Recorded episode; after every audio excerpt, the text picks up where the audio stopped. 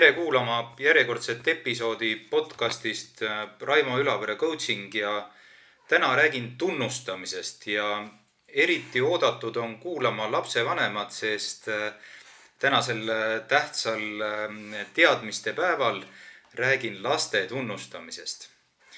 no paljud meist lapsevanematest saadavad oma lapsi täna kooli ja janustena teadmiste kogemuste järele vantsivad siis väiksed põnnid kooli poole vahel, unustades ennast vaatama, noh, ma ei tea, mõne põneva linnu siblimist või, või ägeda auto kihutamist. ja muidugi me tahame neid äh, toetada nende tähtsas töös.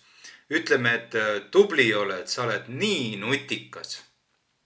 ja me teeme sellega neile karuteene hoolimata tervest reast uuringutest ja, ja igasugustest raamatutest on visa kaduma müüt sellest, et intellektuaalne võimekus on pigem looduse poolt antud kingitus kui pideva ja, ja ütleme siis distsiplineeritud ja järjekindla arendamise tulemus.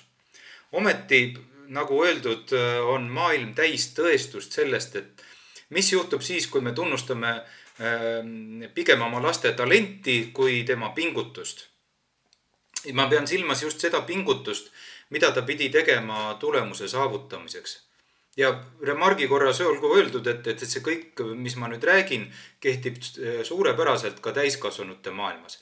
ehkki tõsi, veidi varjatumal kujul üks tuntumaid sellealaseid eksperimente tehti tuhande üheksasaja üheksakümne kaheksandal aastal, kui kaks psühholoogi nende nimed olid siis Carol Dweck ja Claudia Muller, kogusid kokku sada kakskümmend kaheksa last vanuses kümme, üksteist ja jaganesid, jagasid nad siis kahte gruppi ja andsid lahendada äh, matemaatika ülesandeid.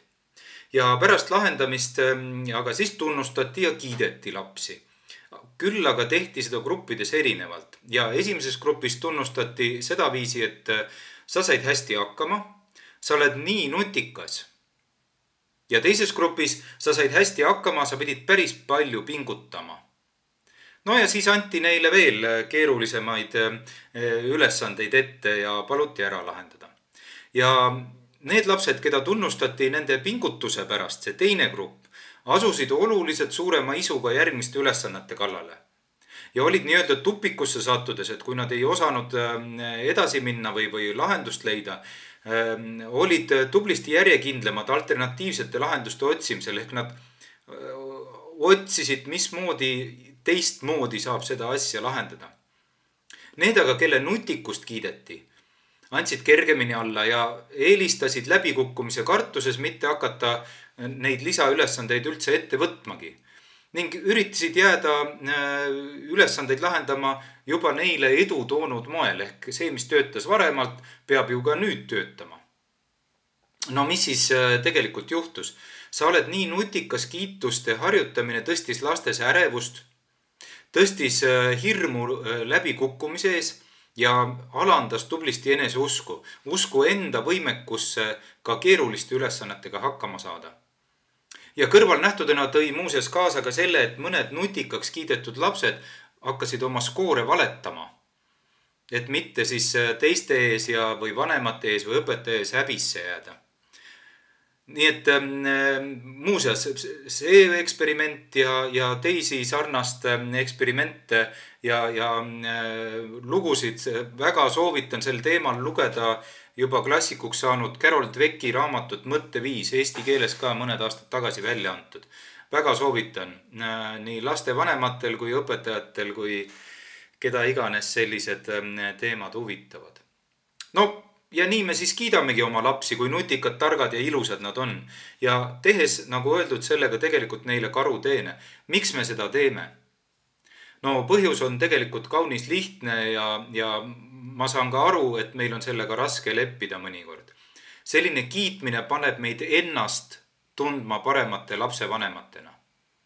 mõtle sellele korraks, paneb meid ennast tundma paremate lapsevanematena. vanematena, kellel on nii suurepärased lapsed.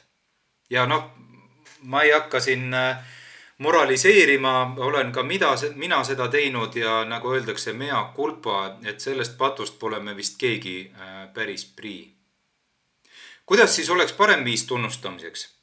no äkki kuidagi nii, ma ühest artiklist lugesin ühe ema kirjeldust või niisuguseid nagu põhimõtteid. ma ei kiida last selle tegevuse eest, mida tema vanuses ta peakski oskama teha. Ma kiidan last selle eest, mida tal on tõesti raske teha. näiteks, noh, olenevalt seal vanusest, eks ole, näiteks jagada mänguasja või olema kannatlik. ja ma arvan, et on oluline öelda aitäh kui ma pole olnud nende jaoks piisavalt kiire neile siis võileiba tegemast või muul moel aitamast ja nad on olnud kannatlikud ja oodanud, siis ma tänan neid, ütlen aitäh, et ma ei kiida last mängimise või lugemise eest. selline on selle ema kirjeldus siis.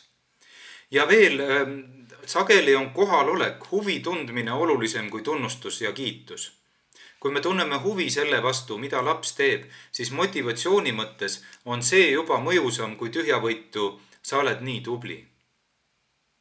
veel kord, sama loogika ja põhimõtted kehtivad ju ka täiskasvanute maailmas. ehk tunnustab pingutust, mitte talenti. teoorias lihtne, kas pole?